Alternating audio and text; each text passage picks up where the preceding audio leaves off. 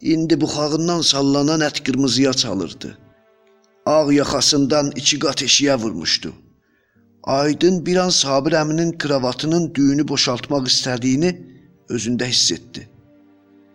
"Əmican sağ ol," dedi. Sabir əmi, "Əlimi qaytarma. Mən üzümü çevirirəm. Hər nə qədər sevirsən götür." dedi. Aydın, bir belə mənim fikrimdə olduğunuz üçün sağ olun deyib əlini dalı itələdi.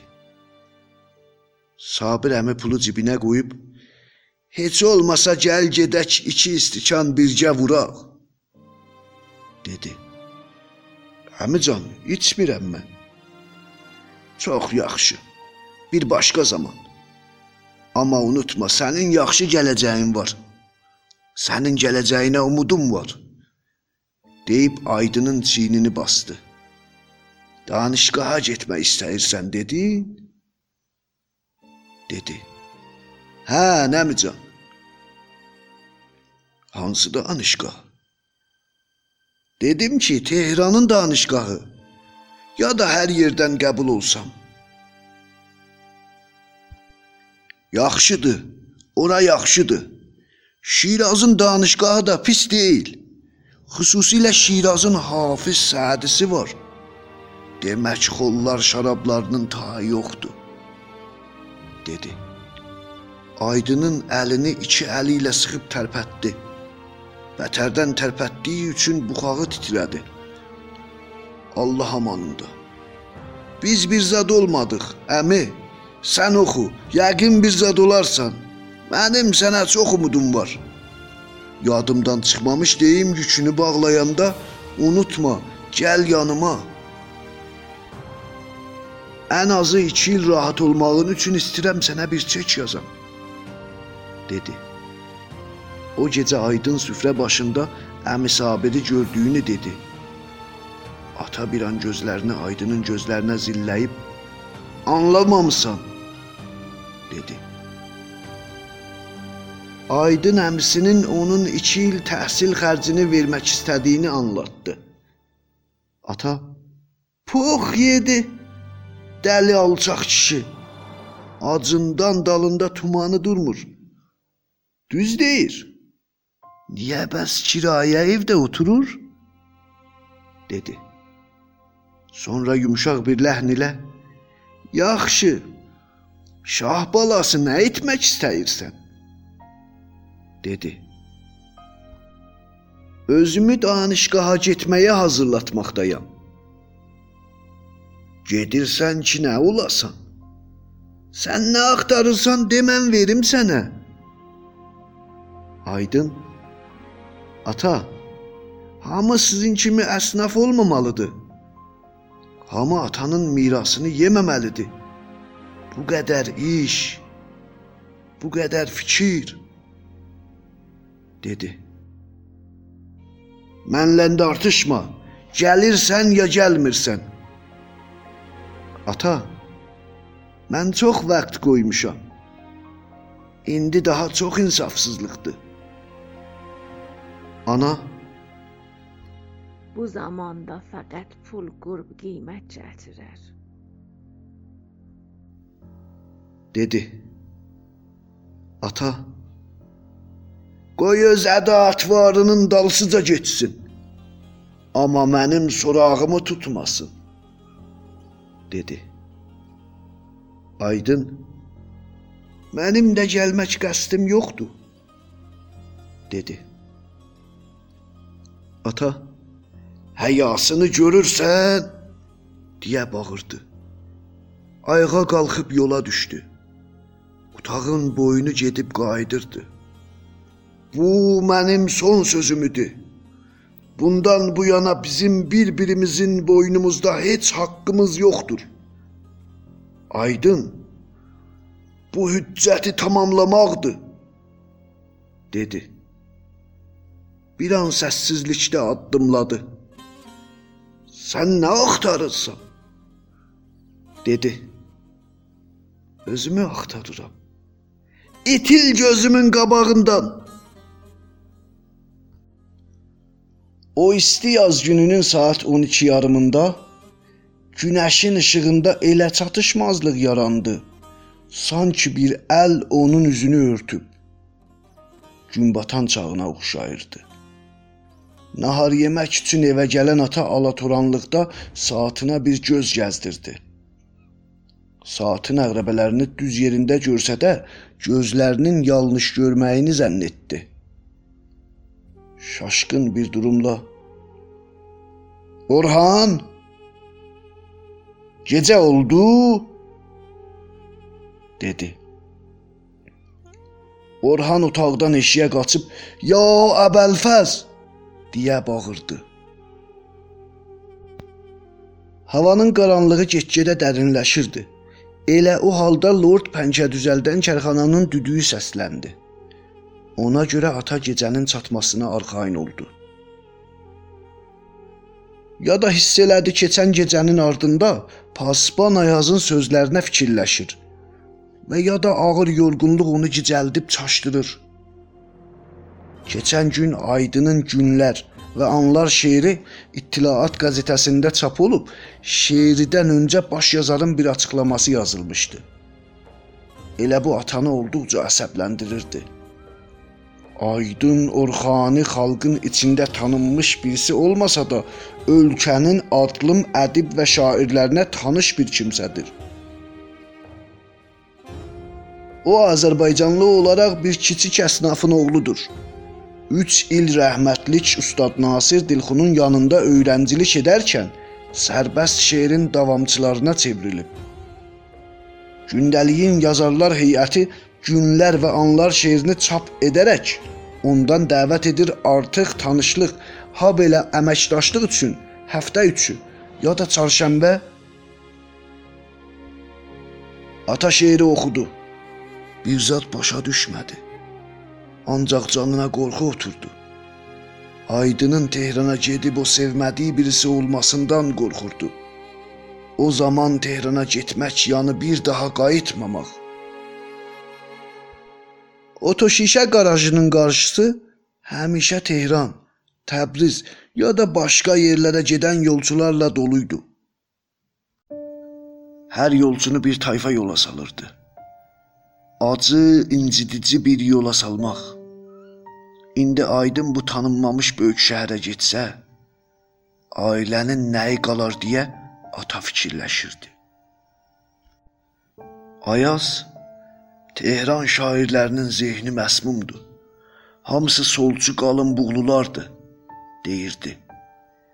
Elə ona görə ata oturduğu yuxarı qatda üstünə dəri salınmış təxtdən gözlərini zilləyib Mirzə, bu buğlarla haranı cırmaq istəyirsən? demişdi. Aydın, Ustad Nasir Dilxunun buğlarını görsəydin nə deyərdin ata? Demişdi. Ata Ayazın sözünü ona qalın buğluların harda dara çəkməklərini də unutma deyə təkrarlamışdı. Ana Bu sözlərin bizə nə ilgisi var? Sizə nə olub? Cabir bir bahana axtarmaq üçün Allah süfrəmizə bir acılıq qoymalı idi. Demişdi. Bizim şeirlə, şairlə nə ilgimiz var ba? Ayaz bir zamanlar uşaq adamın malı kimi hesablanardı. Nadir Şah oğlunun iki gözünü çıxartdırdı, ancaq indi qardaş özünün ixtiyarın özündə deyil. Elə bu utanmazı görürsən? deyib barmağı ilə dükanın önündən keçən daylaq cəmşidi göstərdi. Ata onu görmək üçün dərindən baxdı. Ayaz ya da olurlar buna tay? Aralıq arvadı Martanı gecələr ətrafdakı çöllərə aparan ya da sənin oğlun kimi şair. Hamı ki Orhan kimi sudan çıxmaz dedi. Orhan qapı önündə durub Cəmşidi səsləyirdi. Sonra içəri keçməyə yol verdi. Cəmşid Nisiyə aparanlar yolundan ötürsən, dedi. Cəmşid salam verib masanın yaxınlığında Ayazın böyründə durdu. Saçlarını qırxdırmışdı. Həmişəkindən arıq görünürdü. Sərbaz getmişəm, əlim boşdu. Ancaq dedi. Ata, hesabı nə qədərdir? deyə soruşdu. Orhan, yığışıb 110 tümən borcu qalıb, dedi. Ata, pis işlərin dalısıca getməsə, borcunun 10 tümənini də verməsin, dedi. Ayaz, amma üzü yola oğlandı. İndi sərbaz gedib, qayıtsa düzgün adam olacaq. Deyib peysərinə birini salıb, get, dedi. Ata, ola bilsəydi bu aydın da sərbaz gedə, adam olardı, dedi. Ayaz başını tərpətdi. Doğrudur. Doğrudur, dedi. Ata bir daha qəzetəni açdı. O şeiri hər nə qədər oxudu başa düşmədi. Neçə kəlməsini ucadan təkrar etdi. Qan, üsyan, intiqam iyi verən bir sözcüklər. Ayaz demişkən al boyalı kəlmələr. Daş sayaq adamları ölən bir şəhər. Balıqlı çayının iki yönündə ağac yerinə darlar qurulmuş bir yer. Ata hər nə qədər oxuyurdu, bu çayın harda olduğunu bilmirdi. Görəsən elə bu balıqlı çaydı? Orhan müştəri yola salan halda Tuman bağı şeirləridir deyib güldü. Ancaq ata gülə bilmirdi. Olduqca sinirlənmişdi. Evində təhlükə zuq atıb becərməkdə olduqca yoğunlaşırdı. O ləhzəyə qədər ayaq üstündə duran Ayaz düz atanın qırağında oturdu. Cabir, bilirsən, dünən həyətdə idim. Biri məni səslədi. Başımı qaldırdım. Nəzmiyə rəisi otağının pəncərəsini açıb məni ona sarı baxan halda gördü. Bir ças qovzayıb qurban dedim. Gəl yuxarı dedi. Otağına getdim. Ayaz, bizim sənət ay az adamımız var, dedi. Cənab Sərhəng, bundan artıq utandırmayın dedim. Ayaz artırdı. Cabir, bilirsən, necə ki sən mənə Ayaz deyirsən, elə o da Ayaz deyir. Doğrusu dünən naharı sərhənglə yedik. İtin balası çox mərifətlidir, dedi.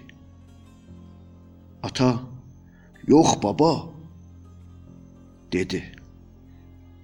Ayaz, həm baba, amma bununla belə əlimdən bir iş gəlmir. Ustad Dilxun solçuydu. Bir qalın buğu da vardı. Əlinə iş verdi. Qorucu məmurlarla mərkəzə göndərdik. Ancaq bu oğlanla nə etməliyik? dedi. Ata, Ayaz sənsə? Nə edəcəyimizi məndən soruşursan? dedi. Ayaz Doğrusunu axtarsan ailənin abrısını qorumaqdan ötürüdür. İstəyirəm yol verəsən bu gecə iki pasiban tökülsün evizə, dedi. Ata, şinə olsun, dedi. Yaxalasınlar. Özüm verirəm 10-12 batum o gözəl baldırından vursunlar. Bir-iki ay saxlarıq. Şeir ilə şairlik başından çıxar. Dönə-dönə sənə demişəm, iki dəstə ilə dartışmaq olmaz. biri savadlı, biri savadsız. Bunu heç vaxt unutma, dedi. Ata, bir iki gün mənə vaxt ver, onunla son sözümü danışmaq istəyirəm, dedi. Ayaz, bilirsən ki, Cabir mənim heç qazancım yoxdur. Sizin abırız, dedi.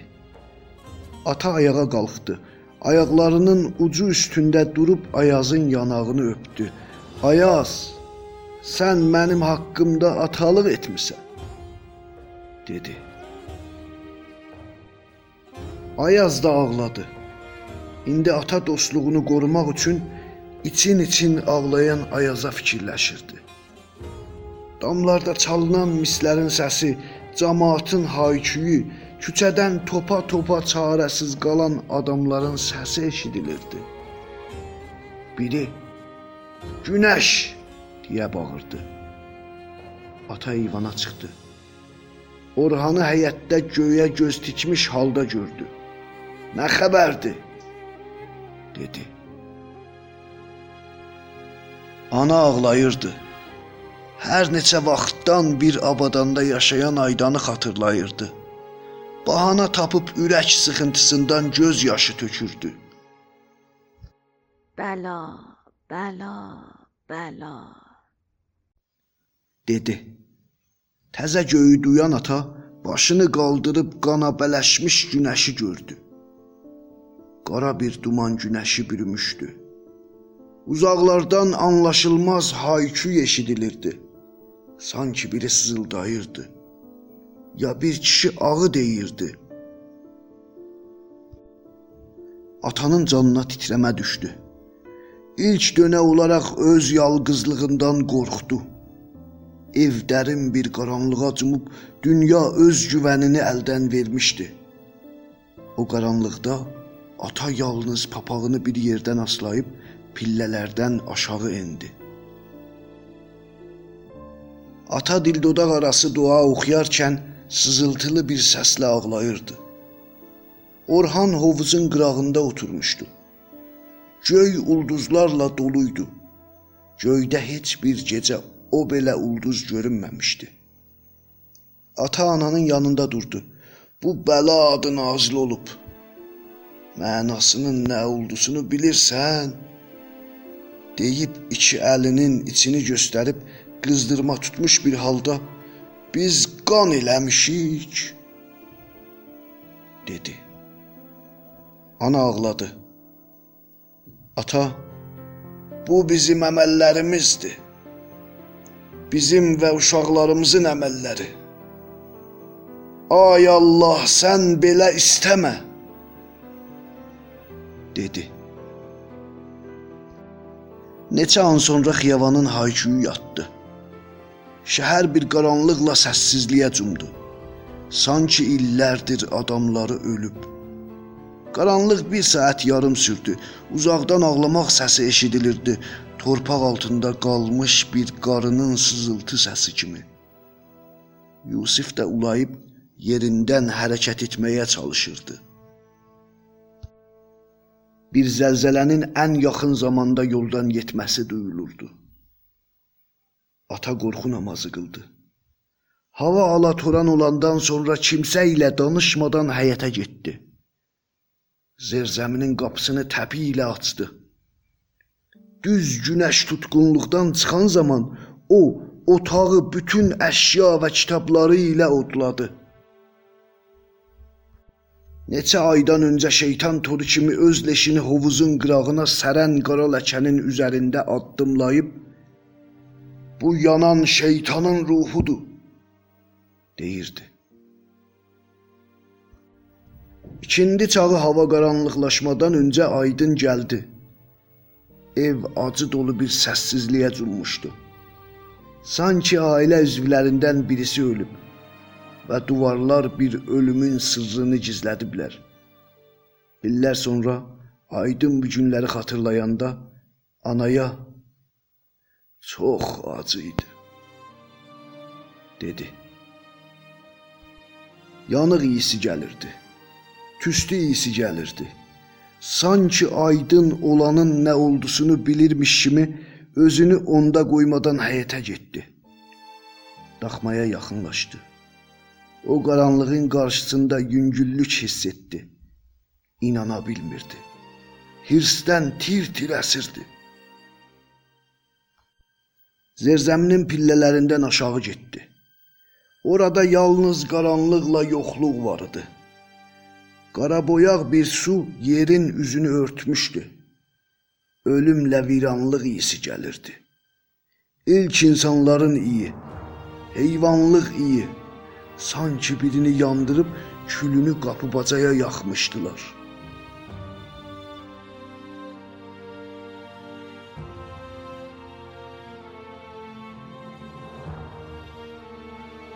Ölülər Senfoniyası. 1-ci çap. Yazar Abbas Mərufi Çevirən Əhəd Fərəhməndi Düzənləyən Əli Salmanzadə Səsləndirənlər Ağa Cabir Purbagiri. Xanım Elnarə Hər zamanki kimi bizimlə olun. Bizim axağımızın adresi Dastanca D A S T A N C A